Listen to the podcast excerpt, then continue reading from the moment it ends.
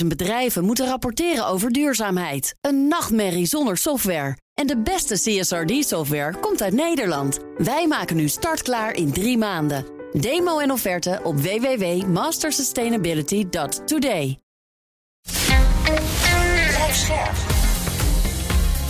BNR Nieuwsradio. Napleiten. Wouter Laumans en Christian Vlokstra. Ja, ze- stoppen je niet voor de lol in zo'n afdeling in het ziekenhuis. Dus ik ging wel uit van iemand die ernstig verward was. En dan kom je een paar gangen door en dan gaat, is op een gegeven moment word je in een spreekkamer gezet, wat gewoon een ja, normale bezoekruimte in een gevangen, of eh, sorry, in een ziekenhuis is. En dan denk je, wat komt hier zo meteen binnen?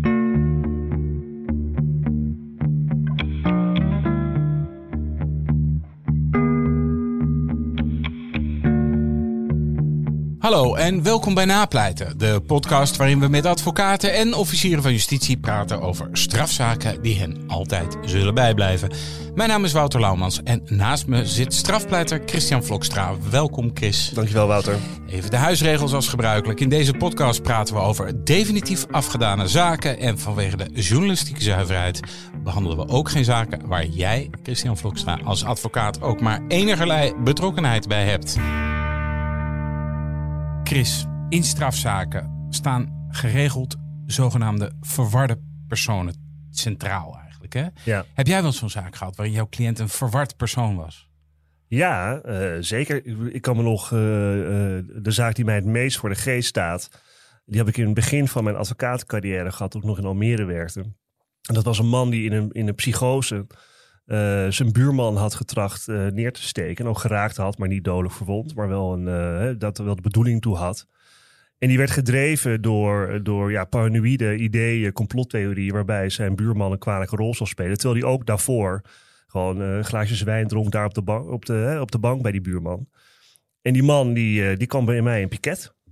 Ja, en dat strafrecht, hè, want ik zie het ook vaak op de rol staan natuurlijk. ehm, dat wordt soms lijkt het wel een beetje overspoeld door dit soort verwarde mensen. Of, of is dat niet jouw beeld? Nou ja, dat is mijn beeld ook wel. Eh, zeker de laatste jaren. Hè, dat steeds meer mensen die eigenlijk eh, eh, in de geestelijke gezondheidszorg terecht zouden moeten komen, al eerder nu in het strafrecht geraken.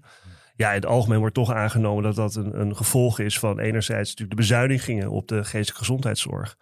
En anderzijds gewoon sowieso de problemen in de geestelijke gezondheidszorg. Waardoor mensen ja, vanuit stoornissen, wanen, eh, psychoses, nou, noem het maar op, eh, tot strafbare feiten komen. En soms met hele ernstige gevolgen. Ja, de zaak waar we het vandaag eh, over gaan hebben, dat is een recente zaak. Die speelt zich af in januari 2020 in Hilversum. De politie krijgt aan het begin van de avond de melding van een steekpartij. Wanneer agenten ter plekke komen, treffen ze bij de overburen een zwaar gewonde vrouw van 76 jaar aan. Ze heeft meerdere diepe steekwonden, onder andere in haar nek. In de woning waar de steekpartij heeft plaatsgevonden, treft de politie haar dochter aan. Ook zij is gewond. Ze zegt dat haar moeder moet boeten en vraagt om het pistool van de agenten. Daarop wordt ze aangehouden. Bij ons te gast vandaag is Rafael Schreudering, advocaat te Utrecht. Welkom. Dankjewel. Ehm, je bent nu zo'n tien jaar advocaat. Ehm, ik zag, ik, want ik ga altijd even, onze gasten die google ik even. Ja, dat is, eh, eh, echt, Dat is belangrijk. echt een Wat voor onderzoeksjournalist. vlees hebben we in de kuip vandaag? Ja, ik, maar ik zag dus dat eh Rafael naar aanleiding van een verkeerszaak een ingezonden brief ooit heeft gestuurd naar de krant Trouw. En daarin schreef je: Het strafproces is geen ijzige vergelding. In de zittingszaal moet een compleet beeld van de situatie en de persoon van de verdachte ontstaan. Dat zijn stevige woorden. Wat bedoelde je daarmee? Ehm, nou, wat in die zaak, en, die zaak gaan we het verder niet over hebben, Nee. maar wat in die zaak eh, heel erg speelde, was dat er in eerste aanleg heel erg was vergolden.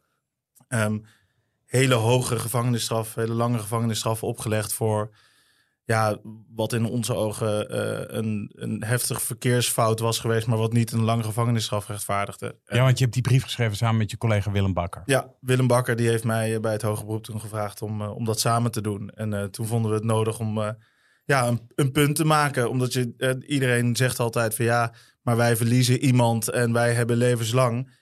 Ehm, ja, maar daar is het strafrecht niet alleen voor bedoeld om dat te vergelden. Wanneer was dit, als ik vragen mag? Deze brief is dit jaar verstuurd, 2 februari van dit jaar. Oh, Oké, ja, nee, want je ziet wel, je hoort wel, kijk, vanuit de advocatuur wordt natuurlijk al vaker wel hè, geroepen van, jongens, het gaat de verkeerde kant op, hè, want het, het, het helt over naar vergelding, wat er, wat er steeds gebeurt in strafzaken. Eh, maar je ziet dat ook vanuit andere hoeken nu steeds meer geluiden komen hè, en vraagtekens worden gezet, is dit wel de juiste weg? Hè? Dus is dat harder straffen, harder vergelden, leidt dat wel tot ja, een betere maatschappij uiteindelijk? Ja. En daar gaat het om. Nou ja, de, de, de, het artikel heeft de kop onderbuik politiek ondergraaft legitimiteit van het strafrecht. En waar jij je met name over opwond, waren, wa- waren allerhande politici die zich uitspraken over het vonnis of over de zaak. Hè? Dat, dat, dat, dat trof jou met name, volgens Ja. mij. Ja, dat trof ons beiden. En dat is ook wel iets wat je heel veel ziet. Is dat politici over elkaar heen struikelen om iets ervan te vinden. eh, zonder überhaupt een vonnis te lezen. En eh, ja, daar moest een keer wat anders over geschreven worden. Ja, maar het is een ergernis die volgens mij ook wel bij jou leeft, eh, Chris. Ja, kijk, je hebt natuurlijk, eh, eh, het is bijzonder ergelijk, kan ik wel zeggen. Kijk, eners- nou, kijk, zo'n een- politicus mag daar toch wat van vinden? Zeker, kijk, maar enerzijds is het zo hè, dat, dat een lopende strafzaak, daar doet een politicus op zichzelf geen uitspraken over. Nee.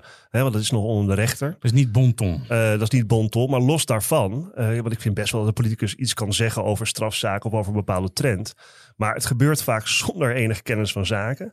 Op basis van Ik iets. Rafael knikken. Hè, dus op basis van iets wat net is opgepopt en waar de media, hè, waar ophef over is, en dan willen ze dan op meeliften.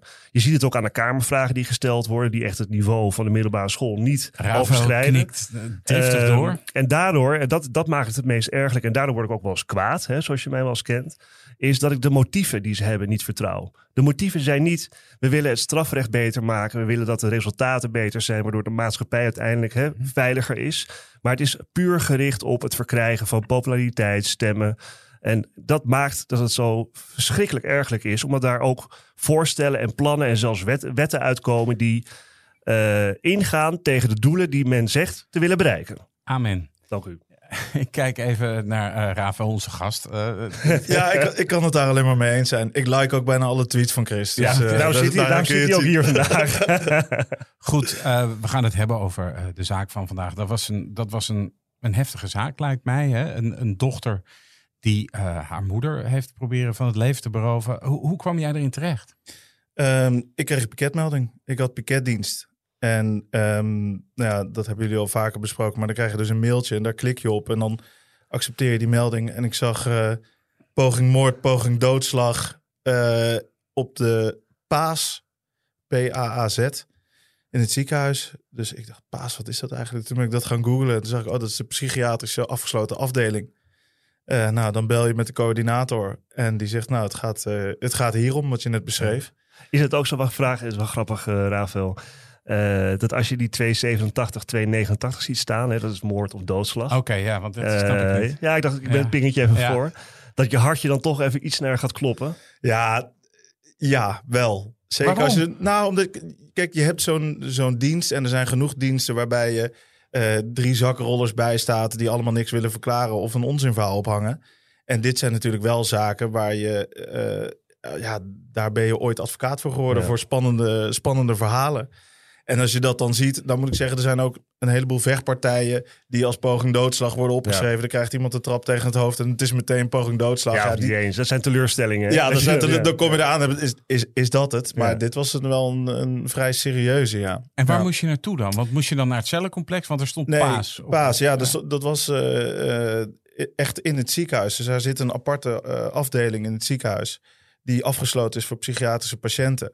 En ik krijg wel vaker een piketmelding... eh, als iemand bijvoorbeeld in een vechtpartij zelf ook is geraakt... en dan in het ziekenhuis ligt, dan lopen ze een afdeling op... en dan zitten daar politieagenten op de, op de gang. Maar dit was echt een speciale afdeling voor psychiatrische patiënten... die, eh, die daar zitten. En dan zit er in een apart kamertje nog wel voor de vorm een agent. Maar eh, wat ze was wel aangehouden, dus ze was daar wel opgehouden voor voor.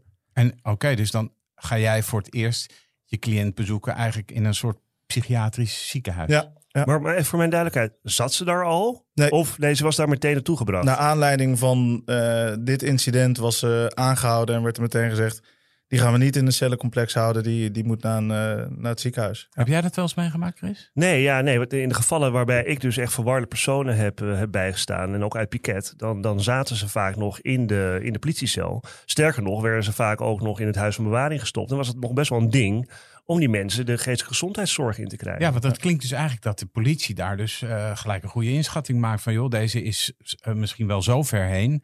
Dat, dat gaat niet werken in een cellencomplex. Absoluut, absoluut. Dat hebben ze heel goed ingeschat.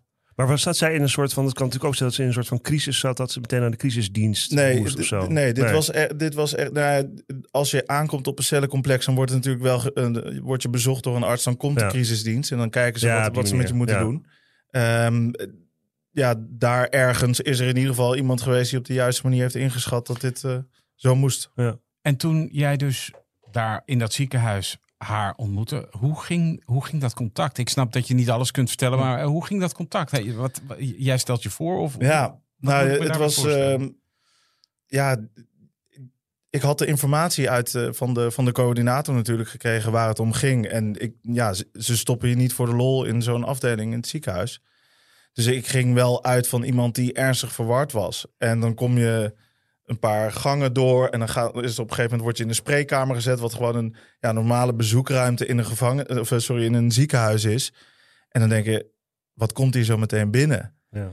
En dat, dat was wel een heel spannend moment. Maar op het moment dat ze binnenkwam, was die spanning meteen weg. Want het was eigenlijk een heel zachtaardig iemand. Die echt in elkaar gekropen, rustig op een bankje ging zitten, naar de grond keek. En daar, ja, ik kon me gewoon vanaf moment één niet voorstellen dat, dat zij in staat was eh, waar, ze wel, waar ze van werd verdacht. En was er enige vorm van contact? Kon jij contact leggen met haar? Of was ze. Ja, maar dat was wel heel moeilijk, want je kon wel nog echt duidelijk zien dat ze echt nog heel erg verward was. Ehm, eh, er kwam wel een gesprek op gang, dus ze reageerde wel, maar ze zat heel erg in. Dit is slecht, dit is slecht, zeg maar. Dat, dat, dat, ik kan me nog, voor, ik kan me nog herinneren dat ze dat eh, vaak herhaalde. Dat, eh, dat ze dat heel erg vond wat er was gebeurd. Maar ja, er zat gewoon nog heel veel verwarring in. En sommige dingen kwamen ook niet aan. Dan stelde ik een vraag en dan duurde het heel lang voordat ze kon antwoorden. Ja, want het lijkt mij dat een van de eerste vragen die jij natuurlijk stelt: wat is er volgens jou gebeurd? Ja, daar heb ik bewust wel heel even mee gewacht. Want als je daarmee binnenkomt en zegt: Hoi, ik ben je advocaat, wat is er gebeurd? Dan denk ik zeker bij zo iemand. Ik denk niet dat dat, dat, dat heel goed gaat. Dus eigenlijk is denk ik eh, nou, het eer- eerste kwartier, twintig minuten, half uur ging misschien met name over hoe het met haar ging en of ze daar goed zat. En dan daarna pas vragen over. Weet je eigenlijk waarom je hier zit en wat er is gebeurd? Mag ik even vragen, Rafael? Want je, je, je noemde twee keer, hè, want ik had al van de coördinator gehoord dat.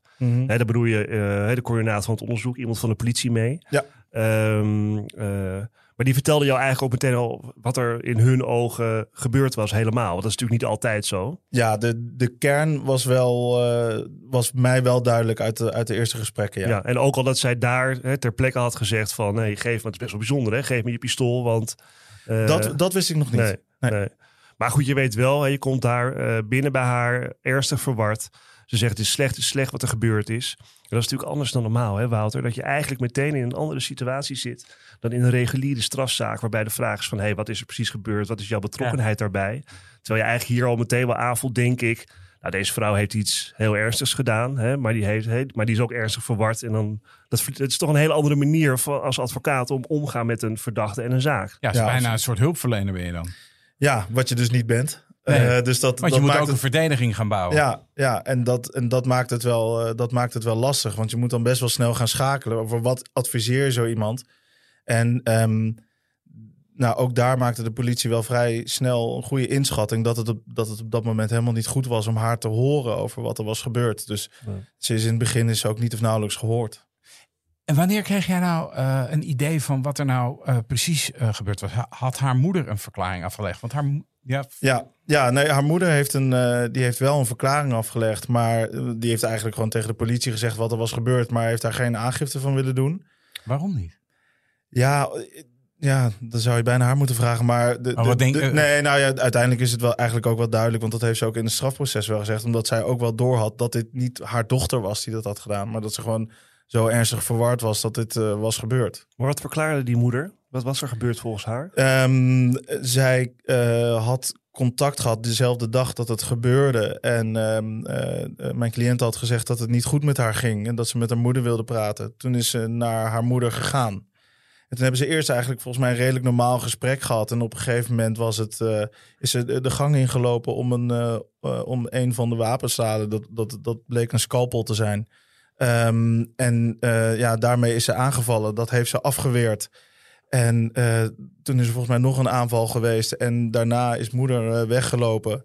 En eh, is dochter in de woning, dus mijn cliënt in de woning eh, achtergebleven. En eh, toen is de politie wel gebeld. En dat, ja, dat is de strekking van wat er feitelijk gebeurd was. En er is natuurlijk ook wel wat over de achtergrond verteld. Maar daar, ja, geen, niet in de vorm van een aangifte in ieder geval.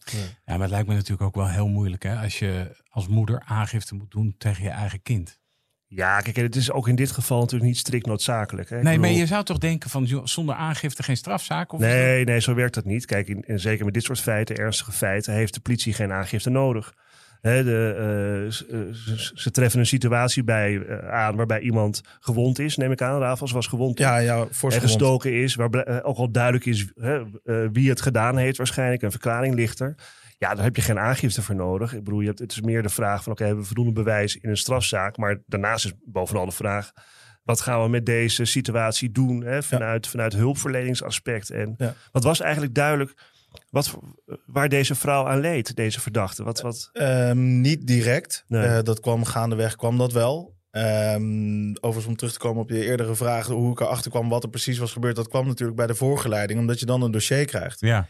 Want eh, omdat er ja, niet direct een, een, een, een juiste plek is voor iemand, eh, werd zij wel voorgeleid. Dus bij, bij de rechtercommissaris is toen de bewaring bevolen en is ze wel meteen naar het PPC eh, gebracht. En was zij daar ook bij? Ja, ja, ja, daar was ze wel bij. Ja. ja, fysiek was ze daarbij. Maar mentaal was het. eh, stel dat op dat moment echt nog. Ja, dat was dat. Daar kon ze nog niet veel zeggen, zeg maar. Had je dat ook al eens eerder? Heb je zoiets al eens eerder meegemaakt? dan? Nee, nee.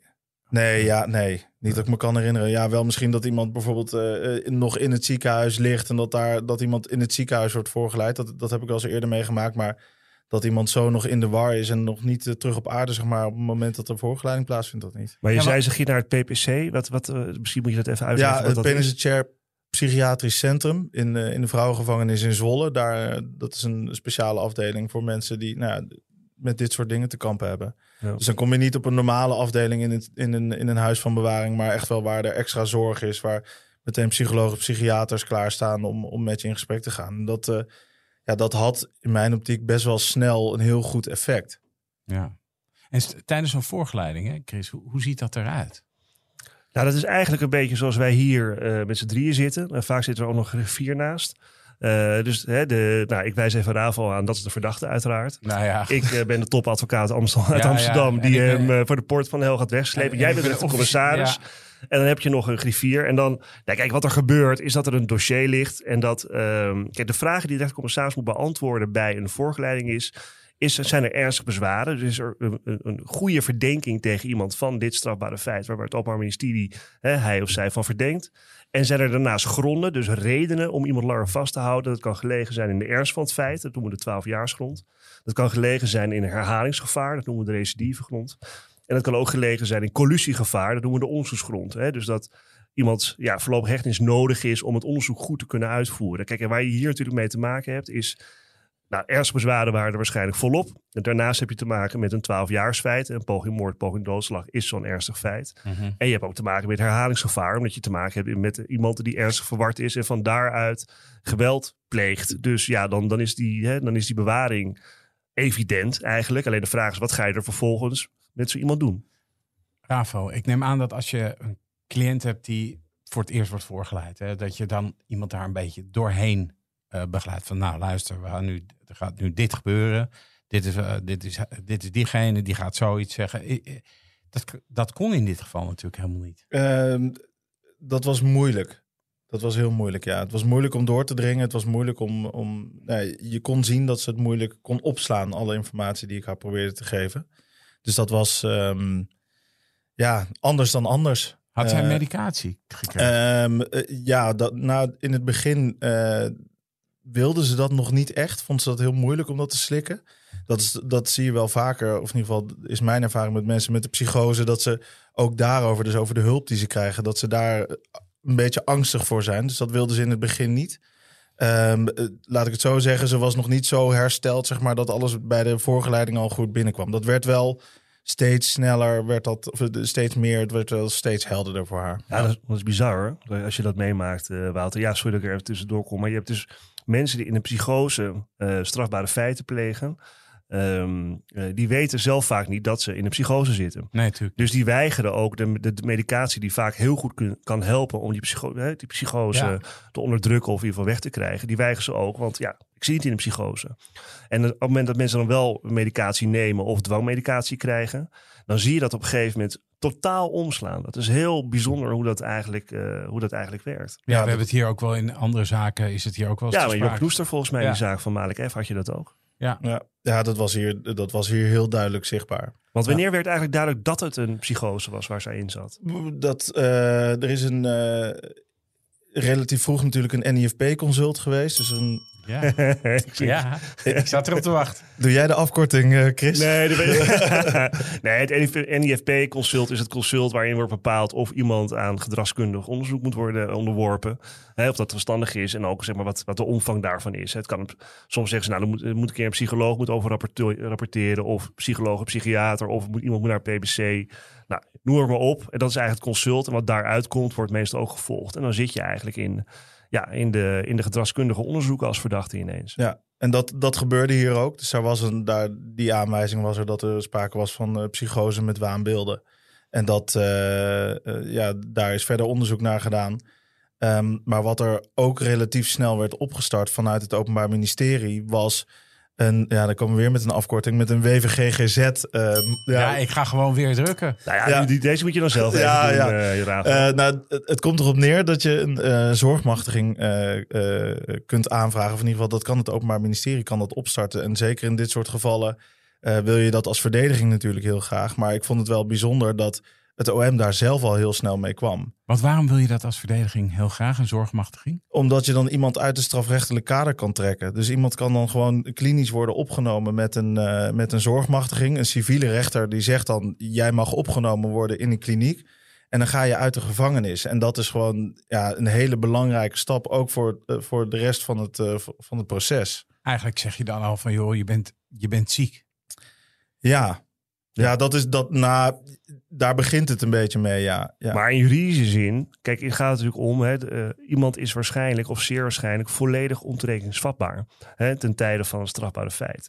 Als je uit een psychose dit soort feiten pleegt, dan ben je eigenlijk gewoon eh, volledig ontoerekeningsvatbaar vaak. Ja. En dat is natuurlijk van belang voor de uitkomst van de zaak, want Ja. dan ga je geen straf krijgen. Dus zo'n zorgmachtiging is bij jou dus voor jouw cliënt, en jouw kant van het strafproces, is dat een enorme plus eigenlijk, als ik er zo naar Ja, kijk. zeker. Ja. En zeker voor haar, want ze voelde zich wel heel goed geholpen in het PPC. Maar ze wilde ook wel eh, graag dicht bij, bij haar familie zijn. En je zag gewoon door die medicatie en door de hulp die ze kreeg, dat ze zo snel veranderde van ja, de, de, de haast onzichtbare vrouw die ik in het ziekenhuis trof, tot aan ja, gewoon ja, de- een, echt een nette vrouw met een hele open, heldere blik. Die heel goed kon uitleggen wat ze op dat, op, op dat moment dat ik nu met haar sprak, eh, wat ze voelde en wat ze dacht. En ja, dat het dat echt nou, het totaal tegenovergestelde beeld. Had ze nou eerder psychoses gehad Nee. in het verleden? Dus Nee. dat was de eerste keer? Ja. Allemachtig zeggen, ja. En was zij in staat te analyseren wat er nou precies gebeurt?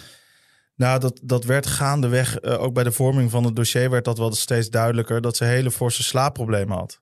En dat, eh, eh, dat werd maar erger en erger en erger. En ze heeft, nou ja, kort voor, voor dit incident is er gewoon ja, iets, iets gesnapt. En ja, kwamen de waanbeelden. En dat heeft haar hiertoe gedreven. Ja, ze, ze heeft lange tijd dus echt amper geslapen. Ja, ja echt maandenlang. Maandenlang, ja. Zo, daar kun je natuurlijk goed eh, van Ja. doordraaien. Weet Mag- iedereen die jonge kinderen heeft. Toch, Chris? Dacht, ja, ik heb, ik heb er nog geen psychose van gekregen volgens mij. Nou, Ja, ja, niemand zegt het tegen ik geloof het niet. Maar mag ik nog eens vragen? Want het is natuurlijk ook wel interessant aan deze zaak. Is dat je natuurlijk een dochter bijstaat van een moeder. Ja. Eh, en een moeder die waarschijnlijk, mag ik aannemen, door, hè, door wat zij begrijpt van wat er aan de hand is, ook haar dochter niks kwalijk neemt. Ja. Eh, had jij ook contact met die moeder? Ehm, ik heb dat eh, bewust heb ik dat eh, eh, afgehouden. Dus ik heb wel contact met de familie gehad, maar niet, niet met de moeder. Dat Nee. kwam op enig moment later in het proces kwam dat wel. Ehm, maar daar heb ik me eigenlijk niet te veel mee willen bemoeien. Ook om dat gewoon zuiver te houden. Ja.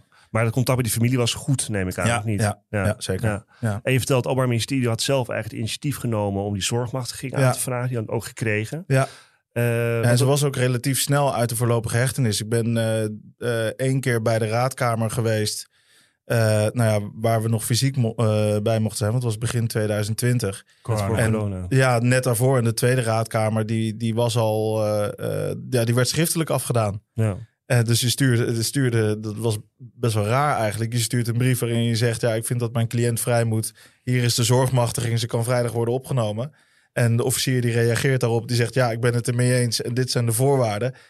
En de dag daarna staat je cliënten Ja. in een poging tot moordzaak buiten. ja, het is vaker gebeurd hoor in coronatijd. Ik heb het ook wel Ja. meegemaakt dat het opeens heel efficiënt ging. Ja. Ehm, Je zegt maar heb het je alsof dan... het normaal niet zo efficiënt gaat. Nou ja, goed, soms, hè, vaak heb je er gewoon echt wel zittingen voor nodig. Maar kijk, als, als, als eh, de feiten en omstandigheden zo evident zijn, iedereen is het eigenlijk met elkaar eens wat er moet gebeuren, ja, dan kun je dat ook kort afkaarten in een, ja, in een soort van mailwisseling. Ja. Maar, maar het Openbaar Ministerie had natuurlijk ook eigenlijk diametraal de andere kant uit ge- ge- gekund. Of, of is dat niet jouw inschatting? Ehm, nee, ik denk dat ze eigenlijk vanaf het begin, zowel de politie als het Openbaar Ministerie, op het juiste spoor zat.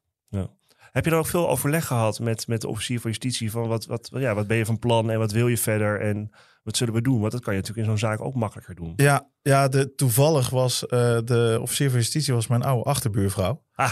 Eh, Oké, dus dat werd even over de schutting. Nee, mijn oude, achterbuur, oude, mijn oude sorry. achterbuurvrouw. Nee, nee, absoluut niet. Want ik, eh, nee, daar zou ik heel ongemakkelijk van worden om dat, om dat dan heel Dat amicaal ik. te doen. Dat. Dus, dus de, de, de, de, op de inhoud was het telkens gewoon heel fair. En ze was ook heel duidelijk in wat zij wilde.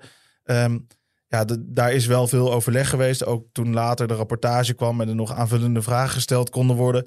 Was gewoon echt niet moeilijk. Was het, oké, dit zijn de vragen die ik wil stellen. Eh, doe jouw vragen erbij. Sturen we het op naar de deskundige en dan rolt daar de rapportage uit. Ja. En dat is allemaal gewoon heel ver gegaan. En wat waren de, eigenlijk de uitkomsten van de, ja, van de rapportages? Ja, dat ze door eh, lange eh, eh, slaapproblematiek in een psychose met waanbeelden was geraakt. En dat ze daardoor tot dit feit was gedreven. Ja. Dus dat ze. en dat was op een gegeven moment nog wel een discussie.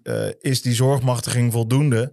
Of moet je hier toch kijken naar een voorwaardelijke maatregel? TBS-maatregel. Ja, dat, zou, ja, dat, kan, het- dat is dan natuurlijk het ene, de enige kant die je op kan als iemand vo- Ja. eh, volledig ontoerekeningsvatbaar is. Ja. Niet de enige, maar ja. En wat, zei, en wat zei die deskundige daarover? eh, eh, in de eerste rapportage stond dat het niet nodig, wa- niet nodig was om TBS met voorwaarden op te leggen. Dus toen was ik in principe klaar. Ja. Het OM had wel nog wat vragen. Toen dacht ik, nou, dat doe ik er voor de vorm ook nog wat vragen bij.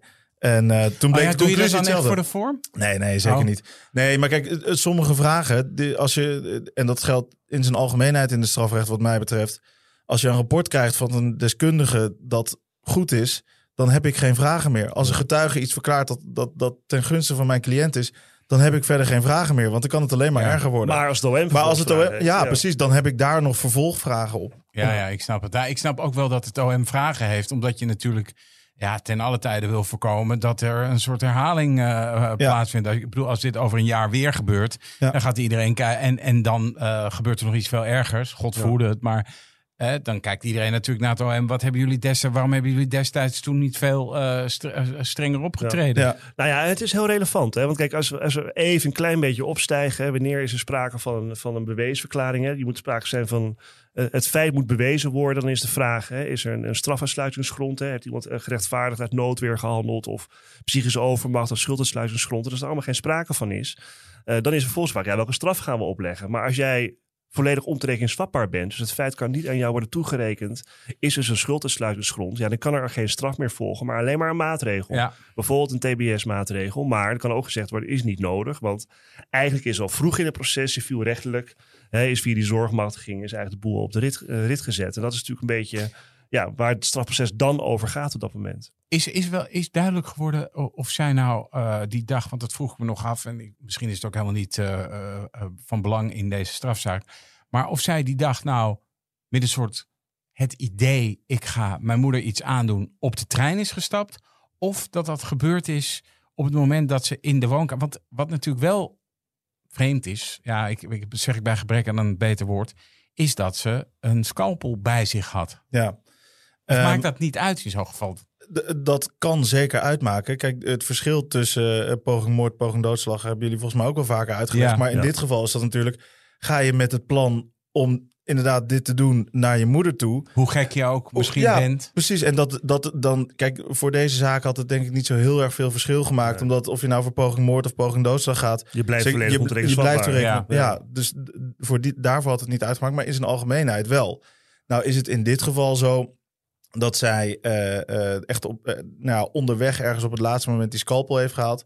En ja, dat, dat daar verder niets bleek van een plan. Ook omdat het gesprek met haar moeder eerder die dag was niet boos. Nee. Dus het was ook niet van ik, kom, ik ga daar naartoe om een conflict op te lossen. En ze kwam ook niet binnen en, en begon meteen met dat, met dat mes te steken. Maar ik denk ook dat dat punt, weet je, dat kun je natuurlijk als openbaar ministerie, kun je daar heel erg veel aandacht aan besteden. Maar omdat het uiteindelijk voor de uitkomst weinig uitmaakt. Ja. Hè, omdat ja, je blijft bij die volledige ontoerekeningsvatbaarheid. En ja, is het ook iets wat je zegt, ja, we kunnen het laten. Want ja, broer, wat maakt het ook uit, hè? Een poging moord Nee, een poging doodslag in die zin. Dat begrijp ik. Maar Maar, in een andere zaak kan het heel relevant zijn. Ik begrijp het, maar het, het, ja, het lijkt me toch ook, eh, zeg maar, voor die moeder. Ja, daar denk ik dan toch ook even aan. Ondanks het feit dat ze natuurlijk geen aangifte eh wil doen, wat ik ook allemaal begrijp. Dat lijkt me best een beangstigend idee. Ja. Dat iemand, eh, hè, hoe, Ja, verward ook. Ja. Het lijkt me best wel, en het lijkt me ook best wel griezelig om, de, eh, als alles weer voorbij is, om dan te zeggen: van, ja, ik, eh, joh, zand erover, we gaan weer verder. Maar goed, Ja, Ehm, maar dat is natuurlijk een langerlopend traject geweest. Waarbij zij ook toen ze in de kliniek is opgenomen. eh, eigenlijk door de familie weer heel goed is opgevangen. En daar natuurlijk weer. Dus die moeder heeft ook haar dochter gewoon zien verbeteren, om het zo maar te zeggen. ja. Want, hoe- want hoe lang heeft het dan geduurd überhaupt dat die zaak op zitting weer kwam? Eh, nou, dit is 2020 begonnen. En we hebben volgens mij begin dit jaar, maart volgens mij, hebben we, is het, eh is Oh, echt- vonnis echt twee geweest. jaar? Ja, ja. Ja, dus in januari 2000, want ik heb het even opgezocht. In januari 2022 is de zaak op zitting Ja. eh, gekomen. Wilde het, het Openbaar Ministerie deze zaak graag op zitting hebben? Of Ehm, het OM wel, Ja. ik niet. Eh, dus dat heb ik ook geprobeerd. De- daar, ik heb dat gevraagd om dat niet te doen.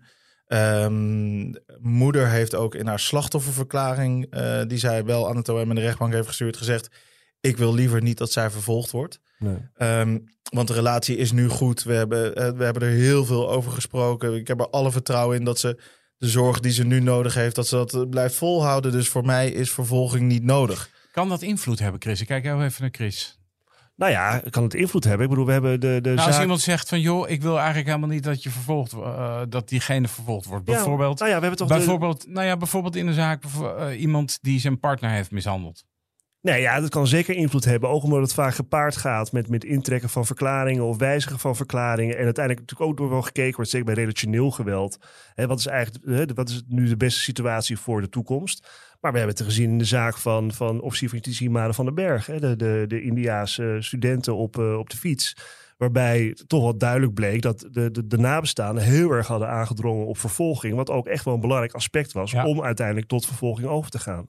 Kijk, en hier is de zaak wel begonnen, maar je kunt een, hè, je kunt een zaak beëindigen als, eh, als openbaar ministerie. Daar moet de rechtbank dan wel een klap opzetten, eh op, op geven.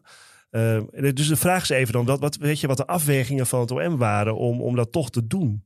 Ja, dat is bij requisitoren dat wel aan de orde gekomen. Dat het gewoon te heftig, eigenlijk het feit gewoon te, Te heftig. heftig, ja, ja. Om, om te zeggen van nou goed, het OM ziet geen hel in vervolging. We vertrouwen het allemaal wel en, Ja. eh, en de groeten.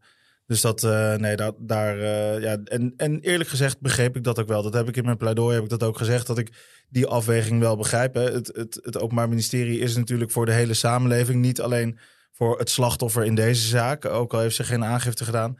Dus ik begreep het wel. En het was natuurlijk voor mijn cliënten wel heel erg belastend om, om ja, alles wat je in twee jaar eigenlijk hebt proberen te verwerken, om dat weer op te rakelen. eh, en dan eh, bij de MK in Lelystad eh, te, te moeten verschijnen. Het vonnis. Ja, het vonnis. Nou ja, dat, dat was conform het requisitor en mijn pleidooi. Piepkort is het. Het is piepkort, ja. En dat was het requisitor en, en mijn pleidooi was dat ook. Hoe lang ja, heeft die hele, hele zitting eigenlijk geduurd? Nou, zij is wel nog eh, redelijk stevig ondervraagd. Eh, of ja, stevig. Kijk, eh, er zaten gewoon natuurlijk heel veel logische vragen in. De- de- als rechter, als je zo'n zaak krijgt, kan ik me voorstellen dat je zegt... ja, hoe kan dit? En, en met Ja. name, hoe gaan we ervoor zorgen dat dit niet nog een keer gaat gebeuren? Dus er kwam wel een, nog wel een serieuze ondervraging. En ook vanuit het Openbaar Ministerie kwamen daar wel serieuze vragen over. Ehm, nou, ik had wat minder vragen. En toen kwam het requisitor. En dat was eigenlijk al eh, het verzoek om eh, cliënten te ontslaan van alle rechtsvervolging. Ehm, dat was ook mijn pleidooi. Dus ik hoefde daar niet heel erg uitgebreid bij, eh, bij stil te staan. Maar hoe En- kwam zij die- door die ondervraging? Deed ze, want ze was natuurlijk, ja, dat deed ze heel goed. want ze was natuurlijk uit de psychose. Ze was Ja. gewoon weer... Nou ja, dat deed, ze- deed het heel goed. Om, om, kijk, wat ze niet wist, dat ging ze ook niet invullen. En dat is Nee. natuurlijk, dat, is, dat vind ik wel heel belangrijk. Dat ze dat niet ineens ging doen alsof ze alles nog wist. Heel veel dingen wist ze niet. Eh, en de dingen die ze wel wist, heeft ze gewoon verteld. En ja, het- soms, soms werd dat even lastig, want je wordt wel weer opgezadeld met iets Ja. wat je natuurlijk wel ergens hebt proberen te verwerken. En zat ze op dat moment nog in de kliniek? Of was, ze- was nee, nee, was gewoon al thuis. ze was gewoon thuis? Ja, dus die kwam gewoon met mij, liep met mij naar binnen. Ja. En eh, liep met mij met het vonnis ook naar buiten. Want ik, ik heb ook wel gevraagd om direct vonnis te wijzen. Ja, die, die stukken waren voor mij zo duidelijk dat ik. Ik heb ook wel gezegd, ja, het, is, eh, het, is geen, het is hier niet een stempeltje halen. Dat begrijp ik wel. Dus ik snap dat u erover wilt raadkameren. Maar hoe eerder u uitspraak kunt doen, hoe beter dat is voor cliënten. En ook met de verhouding met haar moeder. Dus toen heeft, eh, heeft de rechtbank zich nou, een kwartier, twintig minuten teruggetrokken. En toen konden we naar huis met, met het vonnis op zak. Ja. Maar ook maar niet met een maatregel ook verder? Nee, niks. Helemaal niks? Het was helemaal klaar Nee. zo? Het was helemaal klaar. Ze had een zelfbindingsverklaring getekend, waardoor ze dus aan een, eh, in, een, in een kliniek kan worden opgenomen als het nu niet goed gaat. Dus dan hoef je niet weer opnieuw alle, Ja. alle, al- iedereen eh, van stal te trekken om weer zo'n procedure op te starten. Dus daar is ze aan gebonden. Eh, en eh, dat, eh, dat was het. Ze kon, eh, ze kon naar huis. Ja, Opzienbarend hoor. En hoe reageerde ze? Eh, was ze opgelucht? ja die, die- die, die was natuurlijk ontzettend blij. Ja, ergens ook. Ik had er wel een heel klein beetje op voorbereid natuurlijk. Dat, dat eh, omdat de rapportage zo duidelijk was, dat ik da- ervan uitging dat het OM dat ook ging vragen, dat ik dat ging vragen. En dat ik het dan wel aandurfde om tegen de rechtbank te zeggen: als jullie het ermee eens zijn, dan kom maar door. Ja. Wat ik me afvraag, hè, was dit ook zo gelopen als haar moeder was overleden? En het is een als-dan vraag, hè, dat- maar ik vraag het me zo af. Wat denk je, Chris? Nou ja, ik denk dat als de moeder was overleden, dat het Openbaar Ministerie misschien nog, nog meer een punt had gemaakt van hè, mogelijk her- herhalingsgevaar in de toekomst. Ehm, maar ja, je blijft met die rapporten zitten hè, van, van deskundigen. Kijk, met een psychose is het natuurlijk zo dat het, dat het in principe tijdelijk is. Hè. Dus als je dat Ja. goed kan behandelen, eh, dan is er geen herhalingsgevaar. En dan is er ook een TBS-maatregel niet aangewezen. Nee, dus in die zin maakt de ernst van het letsel eh, maakt dan dus niet uit. Nee, maar kijk, je, je kunt het nog verder stellen. Stel je voor dat zij een willekeurig iemand op een treinstation had neergestoken vanuit haar psychose. Dan heb je nog dan heb je een heel ander verhaal weer. eh.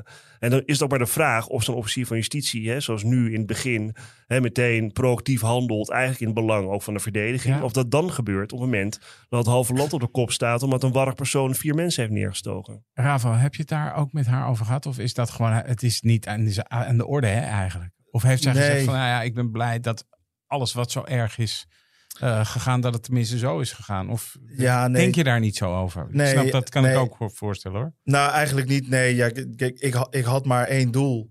En ehm, ik denk ook dat bij iedere andere uitspraak dat, dat, dat, dat dit vonnis, eh, nou ja, dat we daar in ieder geval tegen in hoger beroep waren gegaan. Maar ja, ik heb daar eigenlijk niet heel erg aan getwijfeld. Als ik daaraan zou twijfelen, zou ik denk ik ook niet zomaar durven om aan de rechtbank te vragen, wijs maar even snel vonnis. Nee, want daar vraag je wel echt wat eh, in zo'n zaak.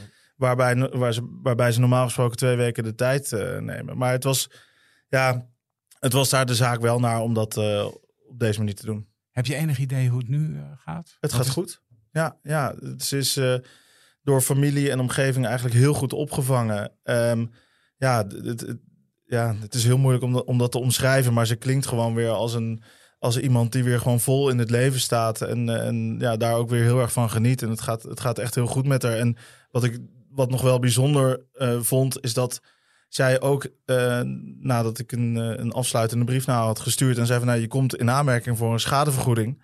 Dat haar reactie was van ja, dat voelt niet goed om hiervoor een schadevergoeding te vragen. Want ik ben eigenlijk door het OM en door de rechtbank in alles wat er, wat er mogelijk was alleen maar geholpen. Dus ook al heb ik vastgezeten, ik hoef daar geen schadevergoeding voor. Het is mooi hè, hoe dit, eh, bedoel, wij zien natuurlijk vaak anders, jij ook hè, en ik ook, eh, eh, strafzaken, hoe het systeem werkt, hè, hoe het systeem hard is ook. Maar het systeem heeft ook een andere kant, weet je, en dat is een hele mooie kant ervan. En mede mogelijk gemaakt door het Openbaar Ministerie zelf ook, dat vind ik wel echt reclame. Ja, ja absoluut. Dat, nee, dat hebben ze ontzettend goed gedaan en dat, eh, dat mag ook wel eens gezegd. Rafael Scheudering, dank voor je verhaal. En dank voor je komst naar de studio van, uh, van Napleiten. Dit was Napleiten. De uitspraak in deze zaak is niet gepubliceerd, dus die kunt u niet terugvinden. Helaas. Uh, mijn naam is Wouter Laumans en naast me zit co-host advocaat Christian Vlokstra. Deze podcast is te beluisteren op Apple Podcasts en Spotify. Vergeet u vooral niet te abonneren. Dan bent u op de hoogte als er weer een nieuwe aflevering online staat. Verder zijn we uiteraard te volgen op Twitter en Instagram. Dank voor het luisteren en graag tot de volgende keer.